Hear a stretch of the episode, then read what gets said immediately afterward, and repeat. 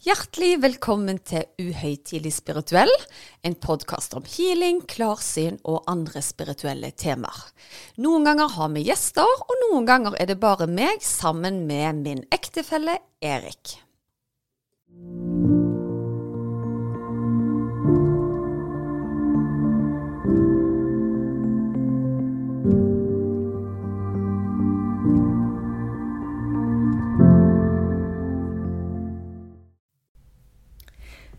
Har vi altså niårs bryllupsdag, Erik. Og feirer da med å lage en podkast mens begge ungene er hos mormor i Haugesund. Var det i dag? Ja, nei, det var ikke akkurat i dag, men jeg tenkte vi kunne feire det nå når vi faktisk er alene. Og nå har vi vært allerede inne på litt temaer som omhandler min eh, bakgrunn, eh, og at jeg er healer, og hva healing egentlig innebærer. Men vi har jo tenkt å fordype oss i en del temaer etter hvert. Men da tenkte jeg kanskje at det var greit for lytteren å bli litt bedre kjent med oss som par, før vi gjerne går litt dypere, da. Ja. Eh, og noe som har slått meg, og som jeg veldig ofte får tilbakemeldinger på, er at det, Hæ, er du healer? Men du er jo ingen typisk healer. Hva, hva mener folk med det, tror du? Jeg tenker jo det at eh, altså Jeg husker jo når jeg leste Donald som liten, så var det liksom en spirituell person som satt inne i et telt, gjerne med en sånn astronomisk hatt. Ja, ja. Um, og så begynner du liksom å lure Oi, er det det en healer er? Uh, og du ser jo gjerne i media òg, så er det jo uh, annerledes mennesker av og til som står fram som jobber med det alternativet. da. Men jeg syns ikke nødvendigvis du skiller deg ut i mengden som så veldig alternativ. Nei, jeg tror nok de fleste gjerne hadde gjetta frisør eller noe sånt. For jeg er litt, litt for forfengelig til å havne i den alternative kategorien, kanskje. Men jeg er jo altså i utgangspunktet akademiker, og det tenker jeg jo er en styrke. For da kan jeg i hvert fall eh, snakke på et nivå som, som akademikere forstår, da. Og at jeg gjerne prøver å, å hva skal jeg si, ikke snakke så veldig høytidelig over temaene. At vi drar det litt ned til et nivå som som mannen i gata kan forstå?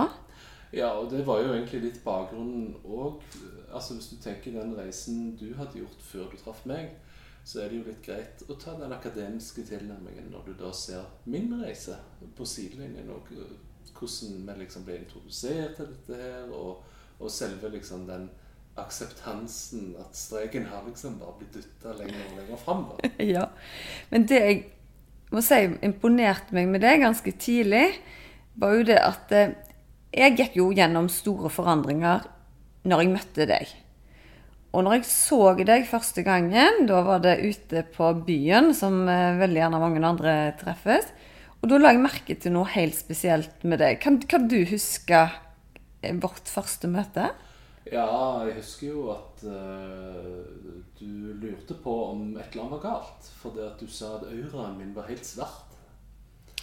Uh, og jeg uh, var ikke så veldig bereist i auraprat eller hva farge han Og vet du Det, det som er så løye, er at det er ikke jeg heller. Og jeg vet ikke hvorfor jeg sa det engang, men jeg fikk bare en sånn en følelse av at jeg måtte gå, gå bort til deg. Men, men syns du det var skremmende, eller var det, var det fint? Akkurat der og da skal jeg sikkert være så ærlig å si at uh, det var en fin intro til å prøve å sjekke på damer den kvelden. ja, ja, du klarte jo tydeligvis det, da, for, uh, for å si det sånt. Eh, men i 2009, da ble meg og deg kjærester. Og det var òg det året jeg hadde veldig store endringer på eh, privaten. Hvordan reagerer siviløkonom Erik Askvik når Susanne kommer hjem og sier Du, jeg skipper jobben i olja, og så blir jeg healer på fulltid. ja, altså jeg var litt sånn todelt. For jeg, må jo si at det at folk starter for seg sjøl og sånne ting, så har jeg enorm respekt for. Jeg syns det er kjempekult når folk tør å gjøre det. Uh, men jeg så jo liksom Ok, nå var vi i gang og hadde flytta sammen. og vurderte gjerne på sikt å kjøpe hus og litt sånne ting. Jeg så jo bare denne husdrømmen. Den flagra av gårde når du skulle ha én healing til dagen. Én healing til dagen. Ja. Jeg en kunde! Woohoo! Men nå visste vi jo egentlig litt på forhånd, fordi grunnen til at jeg ønska å starte fulltid som healer, var jo det at jeg klarte ikke å sjonglere jobben og healingene utenom. Og etter alle medieoppslagene så måtte jeg jo nesten Jeg måtte ta meg en pause i utlandet, faktisk, bare for å roe meg, roe meg litt ned. Og når du da sier 'jeg støtter deg', du går full inn med healing, så går det ikke lange tida, og så har jeg altså 3000 på venteliste. Ja, og jeg husker jo Det var jo etter oppslaget i hjemmet spesielt. At uh, du la inn telefonnummer til den klinikken du Hjelp! Stakkars naprapatlandslaget. Telefonen sto jo ikke. De fikk ikke gjort noen ting mens du hvila. Vet du hva, jeg, Nå skal ikke jeg legge ordene i munnen deres, men jeg tror de var litt irriterte på hele telefonstormen. altså.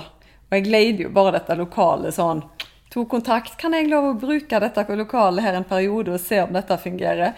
Og jeg tok nok mye unødvendig tid fra administrasjonen. Eh, men OK, jeg begynner som, som healer. Og hvordan er det for deg egentlig å være gift med en person som andre gjerne stiller litt spørsmålstegn til levebrød med, da? Ja, nei, altså Jeg merker jo i eh, La oss kalle det siviløkonomkretser ja. at uh, det er jo delt der òg. Mm. Uh, når du begynte, så var jo ikke dette et veldig modent tema å snakke om. Sånn at uh, jeg gikk litt stille i gangene på jobb om hva du drev med. og jeg husker jo Vi ble vel enige om å si ja, hva gjør Susanne? Nei, hun er selvstendig næringsdrivende. Den var fin. Veldig greit å ta det den båsen der. Men én ting var jo på jobb, men jeg husker du, du eh, Du var ikke redd for å snakke om dette hvis vi var på fest? Nei, og spesielt hvis du var med, da, så kunne du alltid ta et knips eller ta og si hvor folk hadde vondt hen og litt sånne ting. Så da fikk du liksom umiddelbar eh, bekreftelse på at du kunne dette her. Men hvis jeg satt i lunsjen på jobb og sa kona er healer', så sitter jo folk og himler med øynene For det at jeg hadde ikke beviset med meg i kofferten. ikke sant? Nei. Men eh, for min del, og det som jeg syns alltid har vært veldig fantastisk med deg, er at selv om du ikke har hatt min reise, så har du alltid vært veldig åpen til sinns. Og du har aldri fått meg til å føle meg dumme, eller fått meg til å føle at de tingene jeg opplever, ikke skulle være en sannhet. da. Du har alltid støtta meg 100 eh, og, Ja, og det, det vet du. Eh, og så er spørsmålet da om, om, jeg kunne ha vært sammen med en som ikke hadde forstått meg på de nivåene. Tvilsomt. Men for min del var det òg viktig å være sammen med en person som ikke bare var alternativ i den forstand, men som òg kunne jorde meg og stille de rette spørsmålene og få meg til å ha samtaler rundt de temaene som jeg opplevde, på en logisk måte, da. Ja. Og gjerne dra litt i rasjonelle tråder, og gjerne koble det opp mot vitenskapen. Og jeg husker en gang jeg sa til deg at det, dette høres litt rart ut, Erik, men jeg bruker noen merkelige, usynlige nåler når jeg jobber med pasientene mine, eller klientene, som jeg må, må kalle dem. Og så forklarte jeg de, og så tegnte jeg de ned til deg. Og det var akkurat som sånne små spikrer. Så sier jeg herlighet, akkurat som jeg putter spikrer Men det er jo bare visuelt, det er jo ingenting fysisk. Og du heiv deg inn på Google og fant vel ut at det var en av de eldste akupunkturnålene som noensinne hadde eh, eksistert. Var det ikke noe sånn? Jo, og det er litt interessant det du sier der. For at, uh, jeg husker jo sånne punkter fra barndommen, så jeg prøver liksom å dra dette ned i. da. Og akkurat dette her var en presentasjon i O-fagstimen eh, fra gammelt av. Nei, det sant? Ja, ja. Hvor jeg husker, husker du det at eh, du skulle ikke liksom lage powerpoint før. Du lagde en sånn på grå papir og hang opp i klasserommet. Ja, stemmer det. Og så hadde det gruppearbeid. Og da husker jeg noen hadde hatt om Kina, og så hadde de en, et lite A4-ark om forskjellige nåler om akupunktur. Og fra den så husker jeg Oi, den kjenner jeg igjen. Det er den nålen du har tegnet. Så da gikk vi inn og googla. Og så fant vi den samme liksom, nålen og eh, så på liksom, disse her da, i forhold til din opplevelse. Og så drog vi den inn i historien fra Det er jo veldig kult. da, Og, og, og det jeg syns er gøy, jo, fordi jeg kan si til deg liksom ofte at eh, ja, herlighet, av og til tror jeg sjøl er det bare innbilning. Men da minner du meg på hvor, faktisk hvor mange som jeg har hjulpet. Og hvor mange som bekrefter at det jeg får opp av informasjon som ikke har blitt delt med meg, faktisk er sann. Eh, og en av de tingene jeg har lagt merke til og setter veldig pris på hos deg, er at på tross av at jeg har et såpass annerledes yrke, da, er det at du virker alltid veldig stolt når du skal fortelle om hva jeg driver med likevel. Og det er det kanskje ikke alle andre som, som hadde opplevd. Nei, det er jo sant. Det er jo, det er jo spesielt. Det er jo det. Og du er jo megagod på det du gjør, så da er det jo kjempegøy å fortelle om det. Så, men det jeg òg syns i forhold til liksom at vi må jo fortelle det ut ifra hvor vi kommer fra. Altså Nå har vi dratt det helt tilbake til ordfagstimen. ja. Men jeg eh, merker jo at uh, neste steg på veien er jo Jeg har jo interesse for historie. Mm. Og jeg prøver jo når du gjør sånne altså forklarer litt om dine observasjoner, da, så prøver jeg å dra dette ned på historiske, uh, altså historiske ting som vi har hørt om før. Og um, ja, jeg vet ikke om troverdigheten blir bedre av at jeg hadde S i muntlig eksamen i kristendom. jo, vet du hva, nå, nå la du lista til podkasten opp en sju nivåer. men i hvert fall det å prøve å gjøre det enkelte forskjellige ting, om det er en historiebok eller andre bøker som er av betydning, det syns jeg er i hvert fall veldig gøy. Det er bra. Men hvis du tar tida litt tilbake til når jeg da var så freidig at jeg gikk bort til deg og sa at det, det var noe spesielt med auraen din. Jeg tror ikke jeg sa at den var svart, men det, det, det kan jo sikkert stemme. I, nå hadde jeg nok omformulert det på en litt annen måte, eller formulert på en annen måte. Jeg har sikkert sagt at det, det henger noe litt tungt over deg. Opplever du noe, er det noe spesielt traume du er gjennom, eller noe sånt? Eh, men jeg kjente jo at det var noe spesielt med deg allerede da, og at dette her ikke var, var en vanlig deppa person på byen. Eh, og det var jo ingen av mine venninner som uh, la merke til noe. Men vil du fortelle hva som hadde skjedd? Uh, ja, uh, nå var jo dette første bytur jeg hadde etter at broren min hadde dødd. så det var nok det du plukket opp som jeg bar på, da, for å si det sånn. Mm. så det var jo en veldig tung periode, ikke bare for meg, men for hele familien. så du går jo inn i en sånn sorgboble da. Så jeg hadde vel kanskje nok med meg sjøl ute den dagen, for å si det sånn. Helt, helt klart. Men tror du den opplevelsen der gjorde noe med din tilnærming til meg, og hvordan meg og deg møtte hverandre og forholdt oss til hverandre etter hvert? Jeg, har tenkt mye på det i ettertid, og jeg føler at uh, jeg fant en god metafor på det, egentlig. Og det passer godt at du er blond, da. Uh, for det at uh, hvis du står på et sjakkbrett på en svart brikke, så er det flest hvite brikker rundt deg. Og det syns jeg er en fin metafor på at uh, ting var begmørkt. Og så kom du, hvit brikke uh, og lys, og så kasta du på en måte en slags livlinje inn i den situasjonen som jeg var i. da. Og Det syns jeg er en fin måte for andre òg å se på at ok, om det er en fysisk skade eller en psykisk ting du, du sliter med, så følte jeg liksom at i ditt arbeid, da, når du jobber med andre, at det gjerne er en liten sånn ting du åpner en dør på gløtt, sånn at folk får litt håp, da. Mm. Og jeg husker vel at meg og deg hadde litt samtaler rundt spesielt dette med døden på det tidspunktet der For jeg, jeg tror alle som har opplevd å miste noen, går gjennom en del spørsmål. Hva skjer da? Eh, hvordan har de det der de er? Har de det bra? Har de kontakt med oss? Eh, den biten der. Eh, og det tenker jeg at vi skal ta en episode på, på senere, for der har jo jeg mange opplevelser. Og du har òg noen, faktisk, som du har opplevd etter hvert. Men kjente du noen gang i din oppvekst at du Tenkte du over spiritualiteten i, altså i livet generelt sett? jeg tror ikke jeg var moden nok til å tenke over sånne ting. Jeg eh, husker jeg var på teater og hadde lyst til å være apekatt etterpå. Klatremus. Så på TV og hadde lyst til å være Supermann. Altså, det var mer sånn det gikk på. Eh, Men eh, når jeg ser tilbake igjen på ting, så har det nok vært elementer hvor jeg har opplevd ting som jeg har sagt hm, Hvorfor visste jeg det på det tidspunktet? Og nå er du jo såpass at jeg kan jo bare bestille ting på butikken med hodet.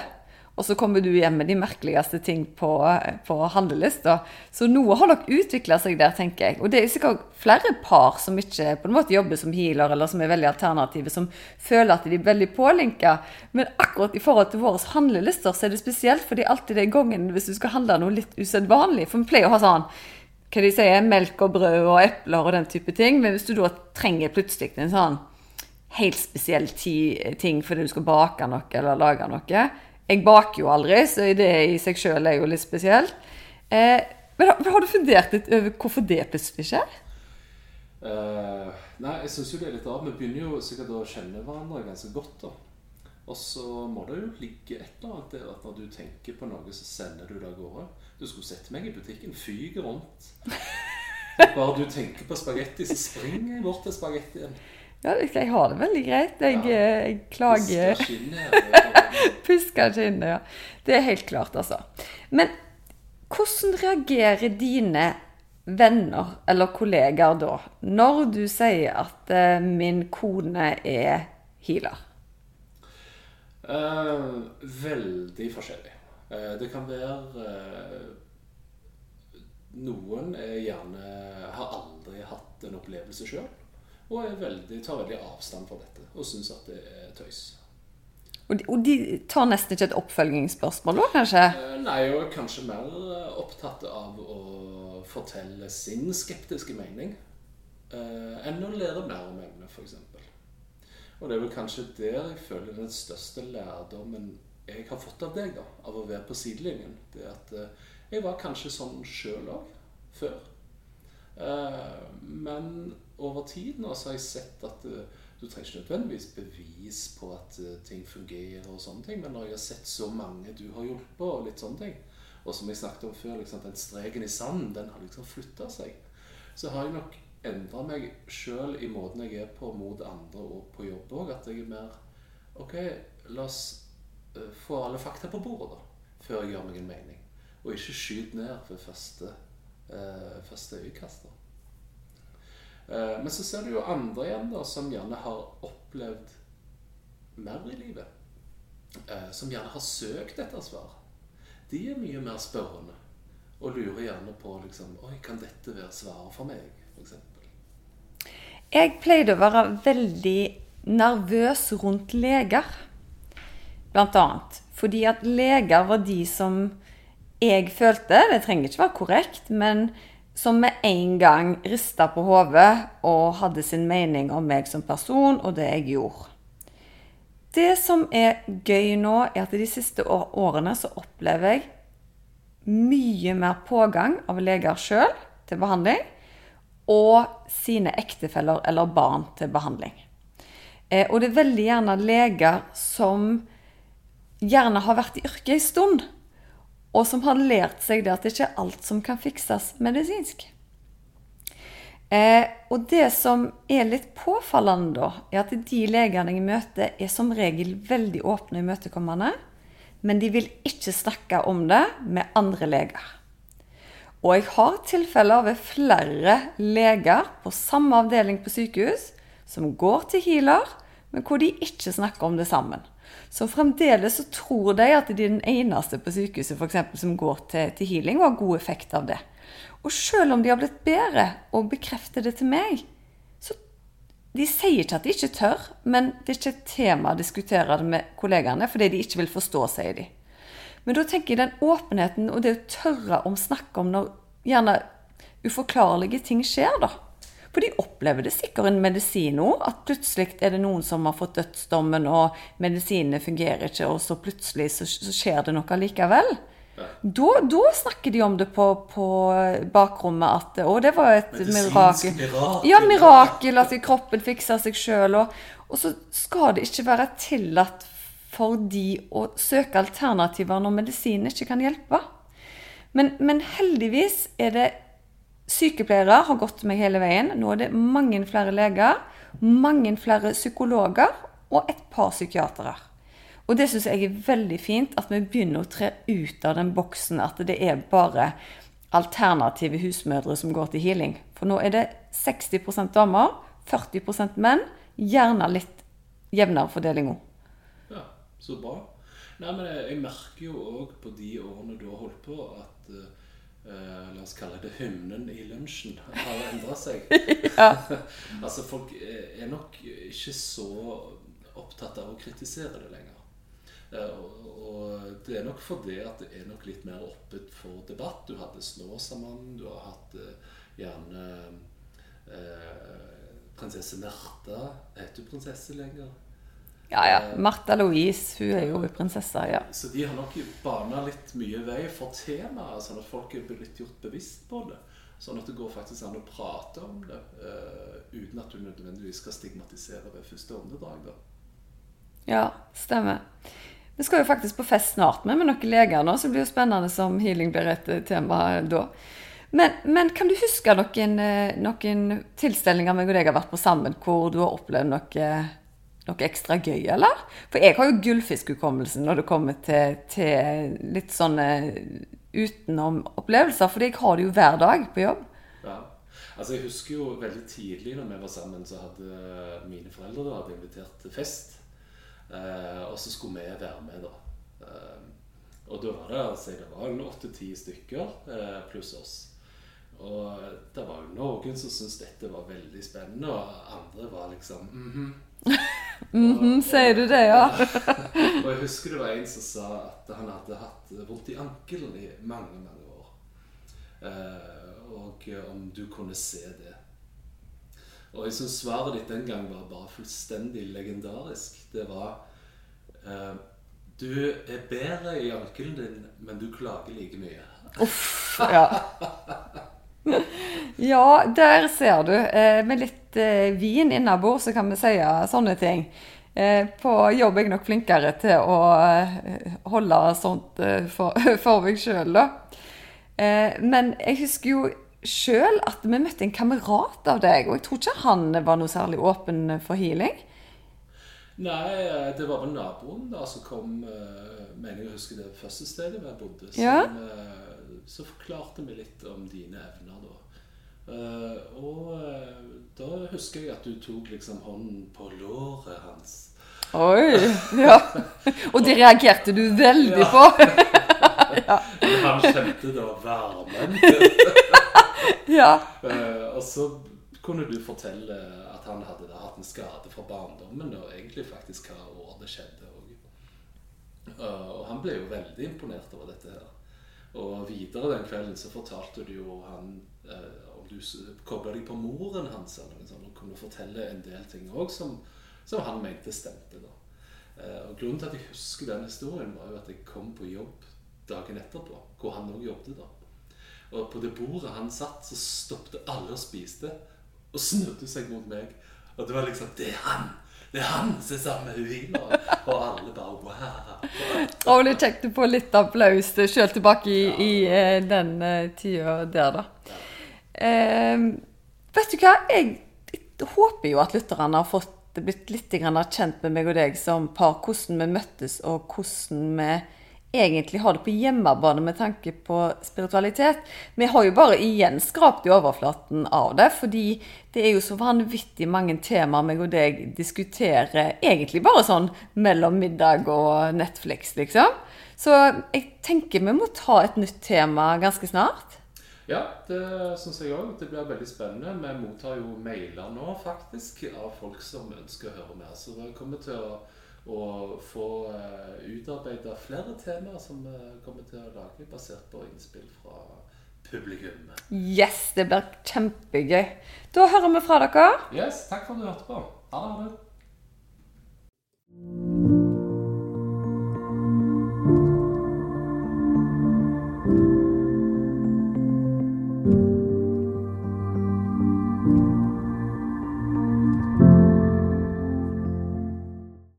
Visste du at du kunne ta kontakt med meg hvis du ønsker å få satt opp en personlig healingplan? Da er det bare å kontakte meg via Instagram eller på e-post, så gjør jeg det helt kostnadsfritt. Da er det mye lettere å vite hvilken healing du skal velge, til hva tid du skal bruke den, for hvor mange uker du bør benytte deg av dem. Gå inn på healersusanne.com.